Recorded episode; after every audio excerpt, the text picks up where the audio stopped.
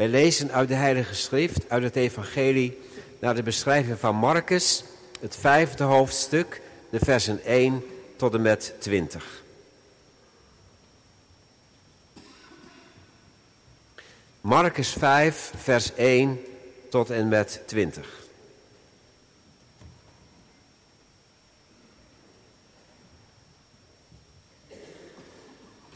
Jezus is vertrokken vanuit Galilea, overgestoken over dat bekende meer van Galilea.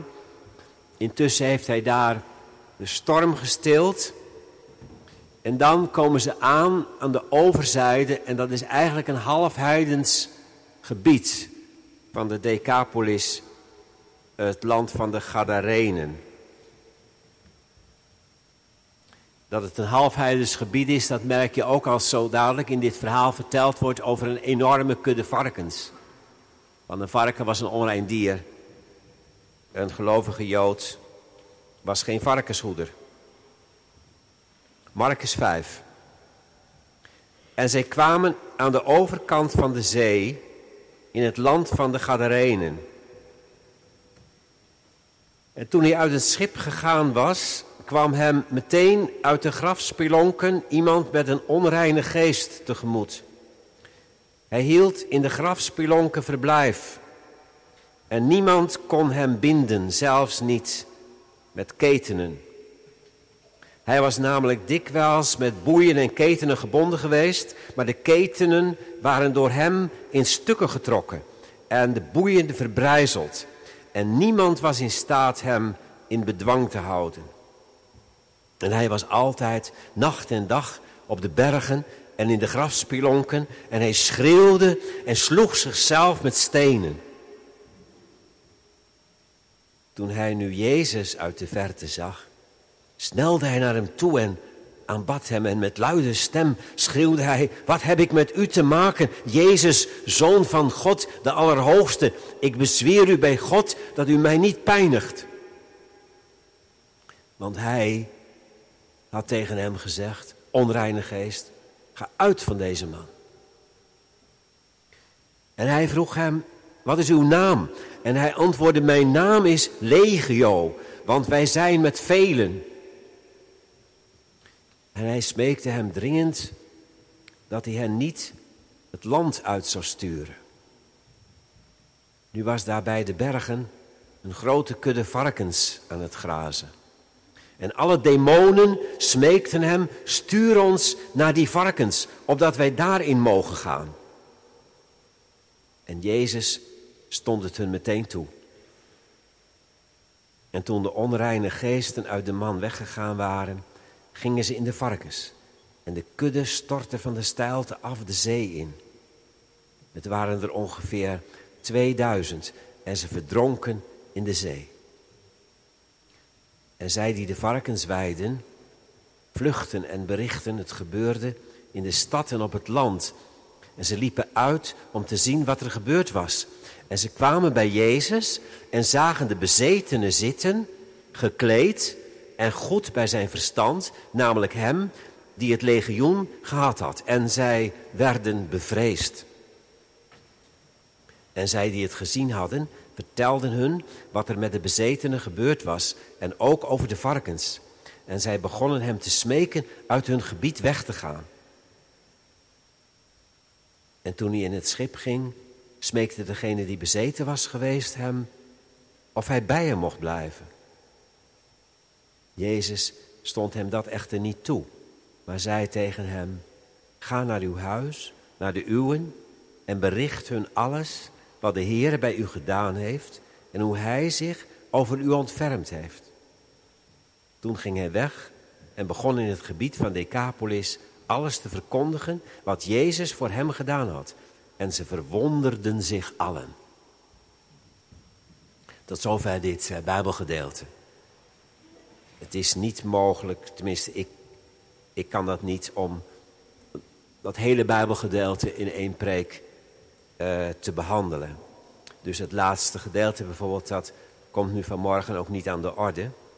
Ik heb uh, gekozen vers 15 als een soort brandpunt. van wat er verteld wordt. Vers 15. En zij kwamen bij Jezus en zagen de bezetene zitten, gekleed en goed bij zijn verstand, namelijk hem die het legioen gehad had. En zij werden bevreesd. Zalig die het woord van God horen en het bewaren. Jongens en meisjes, ik zei het zo even al. Het is eigenlijk een heel eng verhaal dat we gelezen hebben. Hè? Zo zeggen jullie dat vaak. Hè? Als je een verhaal ja, griezelig vindt. Het is een eng verhaal. Maar als grote mensen zeggen we dat van het verhaal dat we vanmorgen lazen bij Marcus ook. Je wordt er bang van. Ja, ook dit verhaal staat in het evangelie van Marcus. En evangelie betekent goede boodschap, blijde boodschap. Maar in eerste instantie worden we er bang van. En misschien ook wel verdrietig. Ja, als je er even over nadenkt, ook verdrietig. Want die man over wie het hier uh, gaat, die moet toch een vreselijk leven geleid hebben. Wat aangrijpend als dit er van je geworden is. Een en al angst, een en al woede, een en al agressie die zich richten tegen hemzelf en tegen anderen. Als je dan af en toe, dat is ook het voorrecht van opa en oma, maar ook van papa's en mama's natuurlijk. Zo dadelijk zullen we ook nog weer horen van een geboorte, van een kindje deze week. Ook uh, een groot geschenk in dat gezin op een bijzondere manier. Maar als je dan weer boven zo'n wiegje staat en zo'n klein kindje, dan is dat zo vertederend hè? en zo mooi. En dan zeg je, alles zit erop en eraan, moet je zo eens kijken. Het neusje, die oortjes. Je bent vertederd door het wonder. En dan te bedenken dat ook deze man zo'n babytje is geweest. Dat ook zijn ouders vertederd naar dat kindje hebben gekeken. Wat is het leven zo bekeken dan toch een gevaarlijk avontuur? Je kunt ook helemaal ontsporen. Het leven kan één lijdensweg worden voor jezelf en voor anderen. Dat is in ieder geval bij deze man, gemeente, het geval geweest. Hè? Hoe kan dat, denk je dan? Ja, wat is er toch gebeurd sinds de dag waarvan geschreven staat... en God zag al wat hij gemaakt had en zie, het was zeer goed. En God schiep de mens naar zijn beeld. Wat is er gebeurd? Het raadsel van Gods goede schepping. Het lijden van planten, dieren en mensen. En van mensen dan toch wel het allermeest, omdat zij weten, weten van het goede, het ware en het schone. En ze verlangen daar ook naar. Maar het goede dat ze willen, doen ze niet en het is alsof ze bezeten worden door boze machten, onreine geesten, demonen, die het hele besturingssysteem in hun hoofd gehackt hebben. Bezeten door machten die ons te boven gaan. Ik had het over een eng verhaal. Maar het is ook een enge gedachte. Dat er machten zijn die ons te boven gaan, waar wij niet over heersen, maar die over ons heersen. Zijn er zulke machten, geesten, demonen? Een van mijn voorgangers in de gemeente waar ik uh, ook gestaan heb, uh, als dominee Loene aan de Vecht. Ik zag het op dat predikantenbord daarachter in die oude kerk.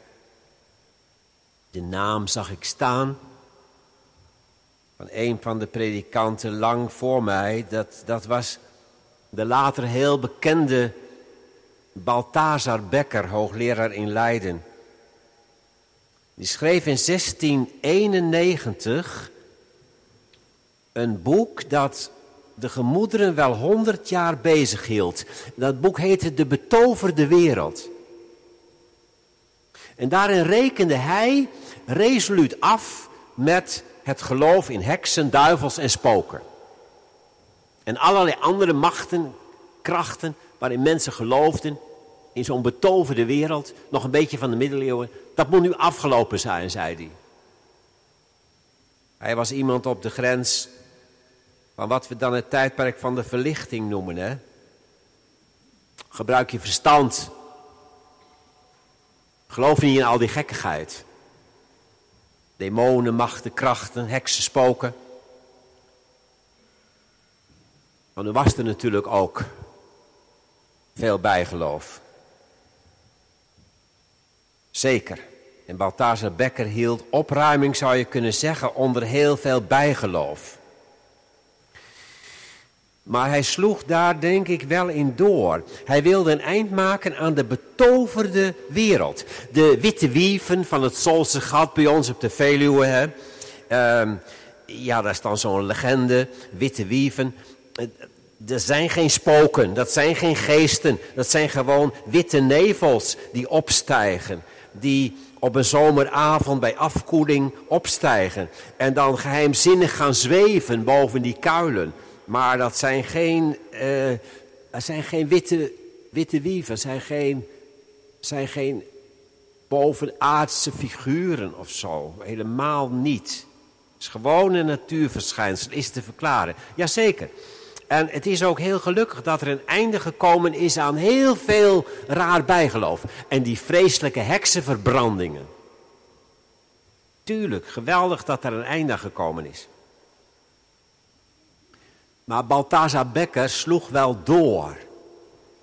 Net zoals veel moderne mensen na hem. De betoverde wereld, daar mag wel wat betovering van af. Veel dingen zijn nuchter te verklaren. Maar de bezeten wereld, dat is wat anders. De bezeten wereld, die kun je ook wel met je nuchter verstand af willen schaffen, maar dat werkt niet. Die kan niemand zomaar afschaffen. Daar zijn donkere machten en krachten die wij niet beheersen, die veel al ons proberen te beheersen, die het leven zoals het bedoeld is kapot maken. Zijn dat machten en krachten die in een aparte geestenwereld ergens huizen? Of huizen die machten en krachten in de diepte van de menselijke ziel? Het zogeheten onbewuste van de dieptepsychologie.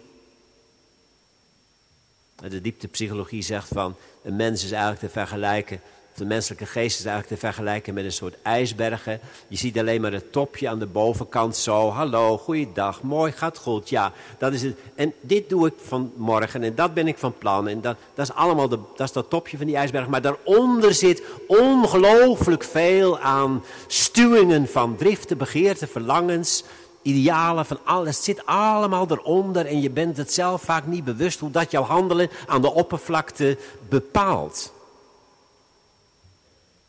Je denkt soms, oh wat ben ik vrij. Ik wil, ik doe, ik kies. Maar intussen heb je niet door hoe je aangestuurd wordt door diepe innerlijke drijfveren. Ik wil het eigenlijk niet en toch doe ik het. Nou ja, daar komen we allemaal ook achter, hè? steeds weer opnieuw. Ik wil het eigenlijk niet en toch doe ik het. Niet zo erg gelukkig, meestal niet zo erg, zo destructief als het geval is bij deze man in Marcus 5, die is met totale zelfdestructie bezig. Maar hoeveel machten en krachten uit het onbewuste, angsten, driften, verslavingen doen niet hun verwoestende werk bij ons allen? Ja, Luther. Luther had het dus ontzettend aan de stok hè, met die bekende gouwenaar Erasmus, hè, dat weet u wel. Erasmus schreef over de vrije wil. Nou, Luther die geloofde daar niet in en die ging toen een heel kras antwoord terugformuleren over de onvrije wil. de geknechte wil. En Luther zei, een mens die denkt dat hij vrij is, maar er klopt niks van. Of hij wordt als een paard bestuurd door God of door de duivel. Een mens is als een paard of God of de duivel heeft de leidsels in handen.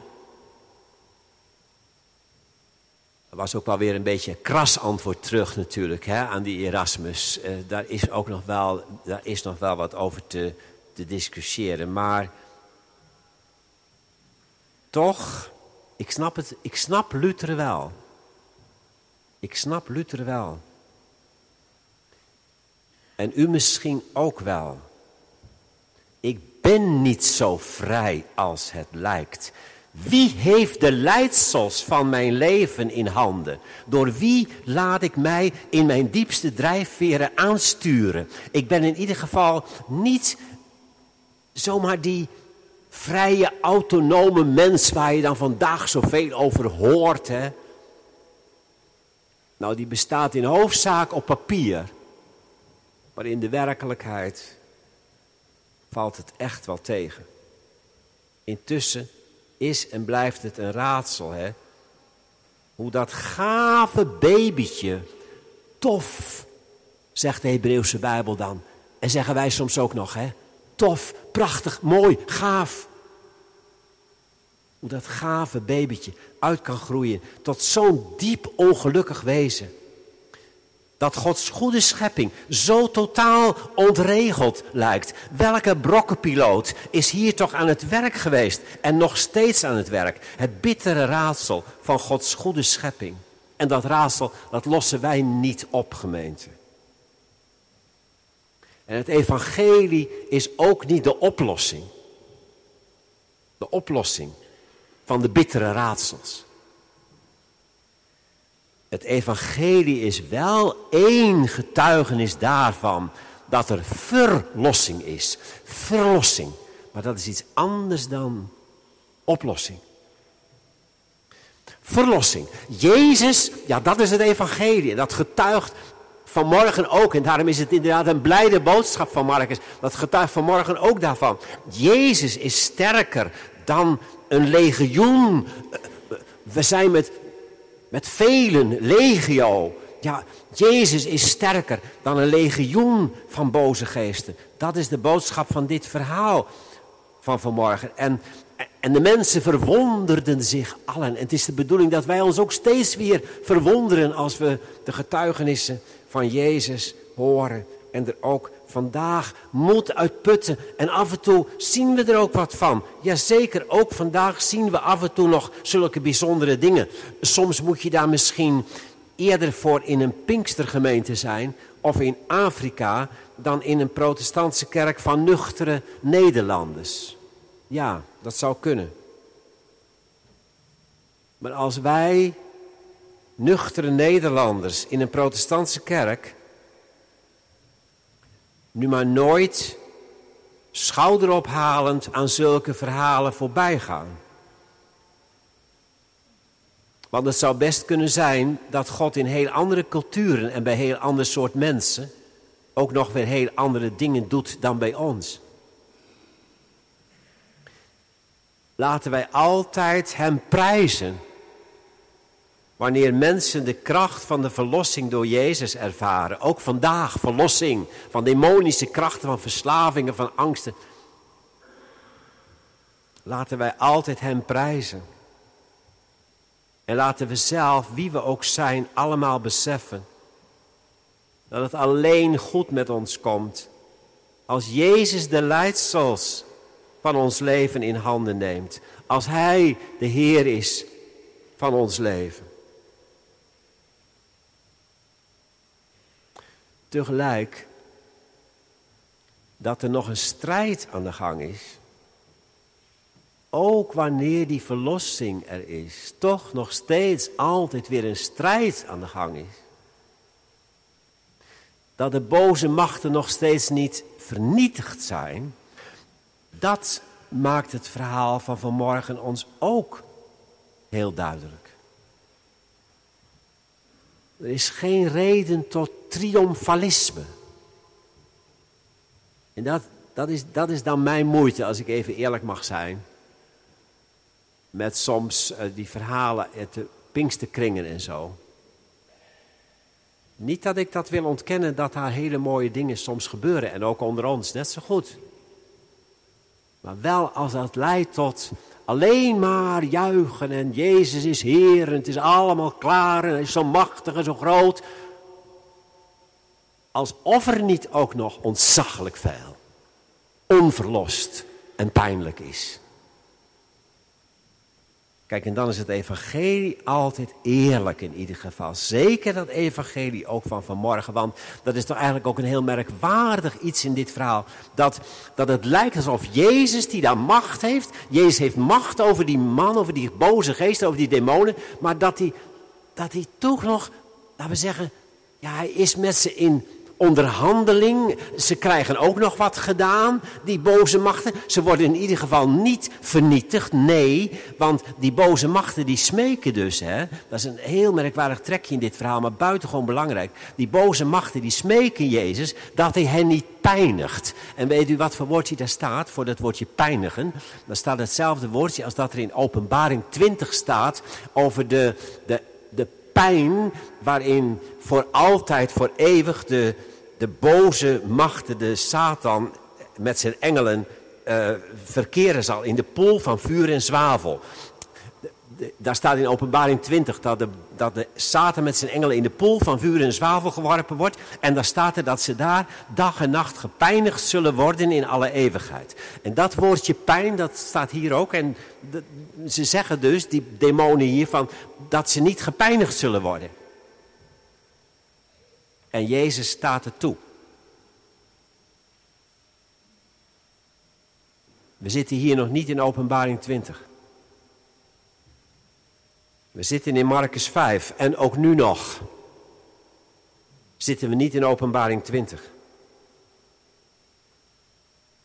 Jezus bevrijdt de man van de demonen, maar ze worden nog niet vernietigd. Ze krijgen zelfs toestemming om in een kudde varkens te gaan en daar zetten ze hun verwoestende werk voort. 2000 varkens, zomaar gek geworden zouden wij zeggen, storten van de steilte af in de zee. Weer een raadsel, weer een raadsel. Een raadsel inderdaad. Jezus bevrijdt, maar nog is de macht van de boze niet definitief verslagen. En daarom zijn wij, ook als we Jezus kennen, de bevrijder, nog strompelend op weg naar de grote dag van de verlossing. We eren Hem als bevrijder. Maar intussen leven we nog met alle pijn van dien in bezet gebied. Ja, dat is een wonderlijke tafereel zo. Ook in dit verhaal. Want dan heb je daar op een gegeven moment, is die chaos aangericht weer, onder die hele varkenskudde. En moet je je voorstellen hoe die herders van die varkens daar gekeken hebben, wat gaat er nu gebeuren? De hele varkensmenigte in de zee, chaos. En tegelijk, tegelijk dan dat ontzaglijke, liefelijke, tafereeltje. Zoals het ook verteld wordt van die man die daar dan ineens zit. Normaal gekleed, goed bij zijn hoofd. Zit hij daar heel dicht bij Jezus, alsof ze altijd al vrienden geweest zijn. Zo apart. En wat een verschil, hè? Met eerst, wat die man betreft.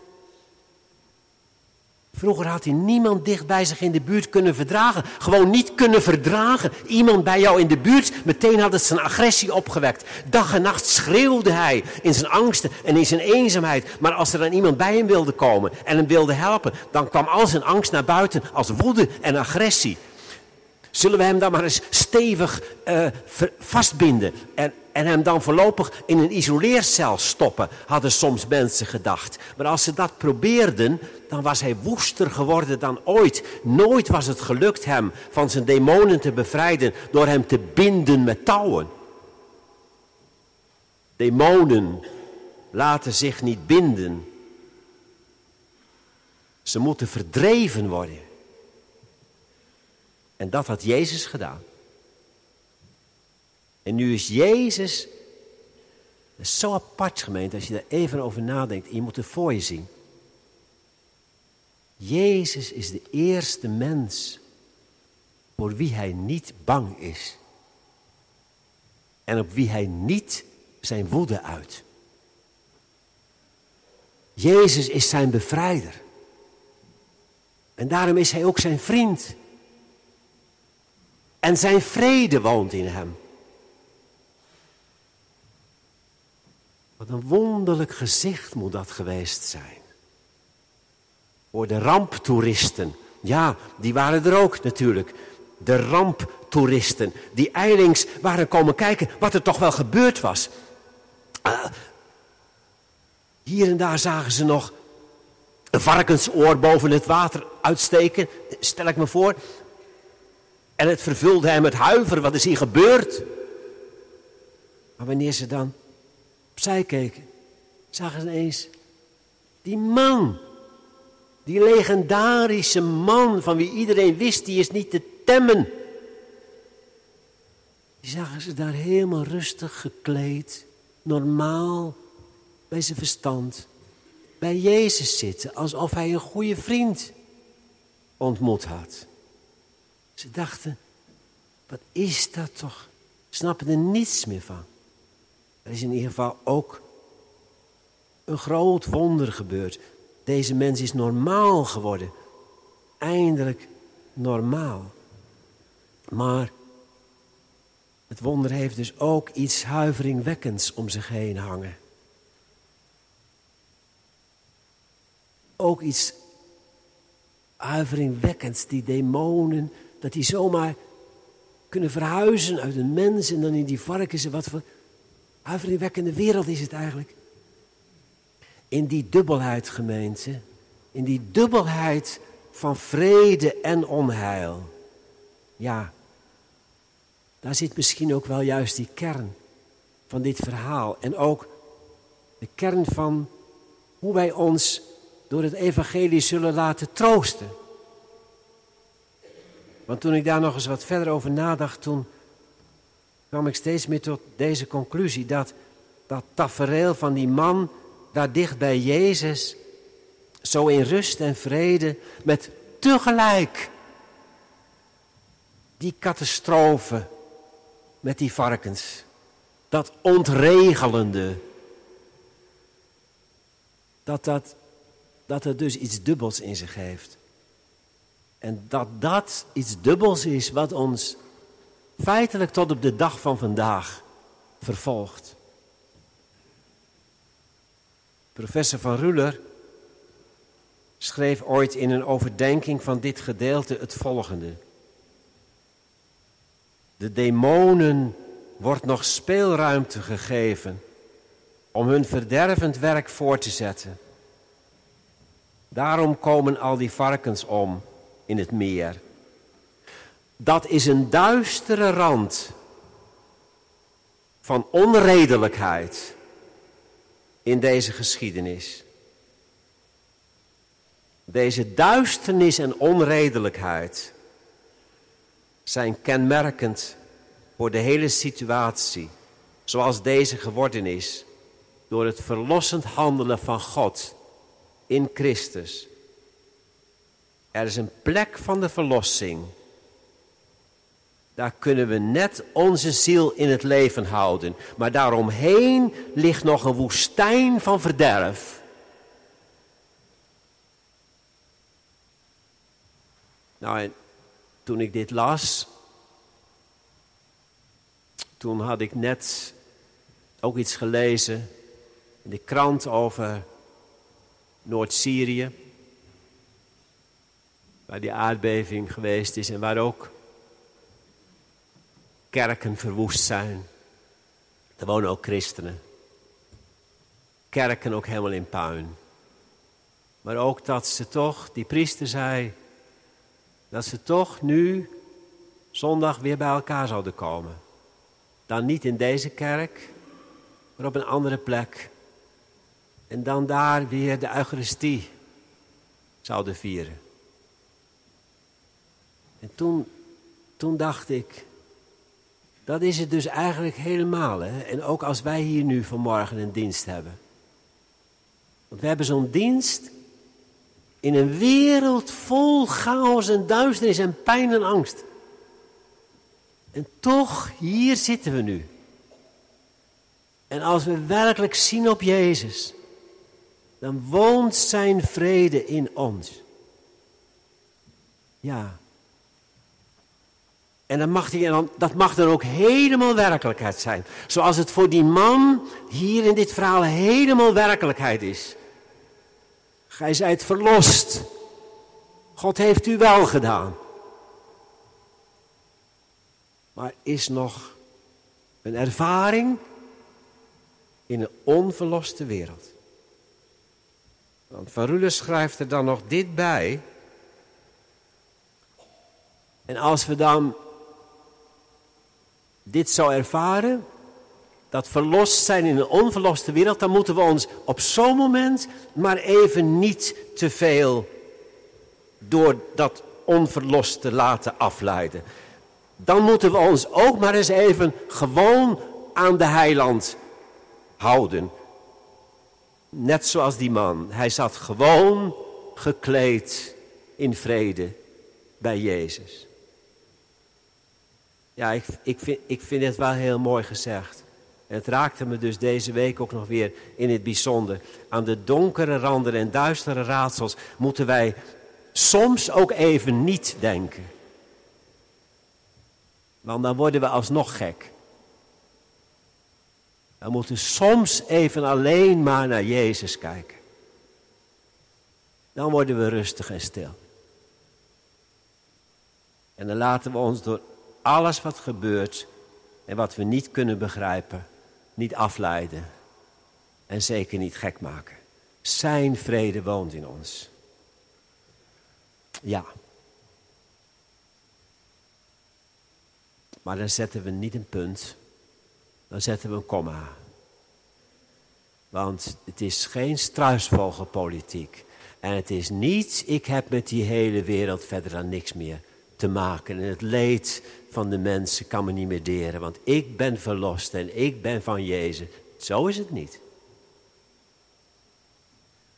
De grote historicus Johan Huizinga schreef in de jaren 30 van de vorige eeuw deze beruchte uh, berucht geworden woorden.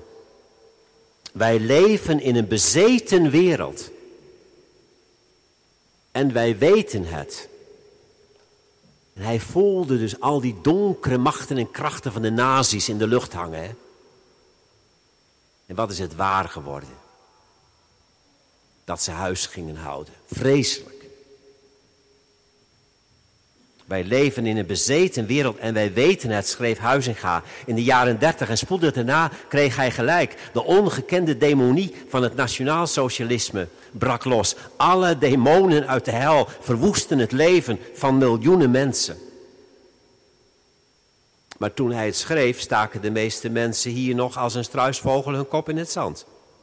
Wij weten het, schreef Huizinga. Ja, maar wij willen het liever niet weten. En ook nu weten wij het. Wij leven in een bezeten wereld. En nu denk ik dus gemeente dat christen zijn betekent dat we ons hoofd niet in het zand hoeven te steken. Wij weten van de duistere machten en krachten die in onze wereld heersen. Wij zijn allesbehalve naïef en tegelijk laten we ons geen angst aanjagen.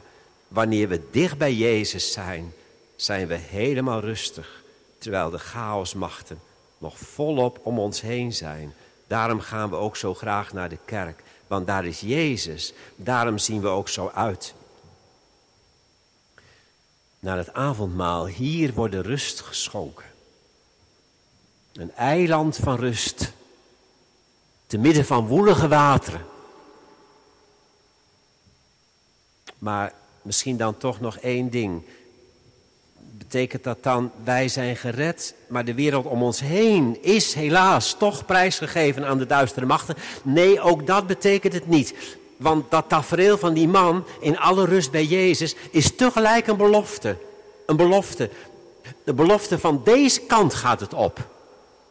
Zover is het nog niet, maar deze kant gaat het wel op. De rust, ons hier geschonken, is een voorsmaak van de eeuwige Sabbat. Een nieuwe hemel en een nieuwe aarde.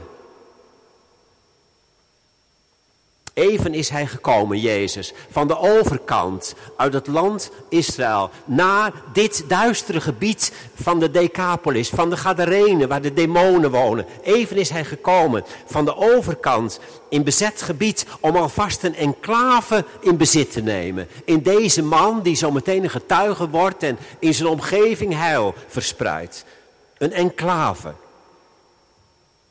En die enclave is een belofte van heel het bezet gebied is bestemd voor de bevrijding. En daar houden we ons aan vast, te midden van alle aanvechting. We maken oogcontact met Jezus. En dan weten we het weer zeker. Ik maak alle dingen nieuw, zegt hij. Eindelijk wordt alles normaal. Dat wil zeggen zoals het bedoeld was. In Gods goede schepping tof. Amen.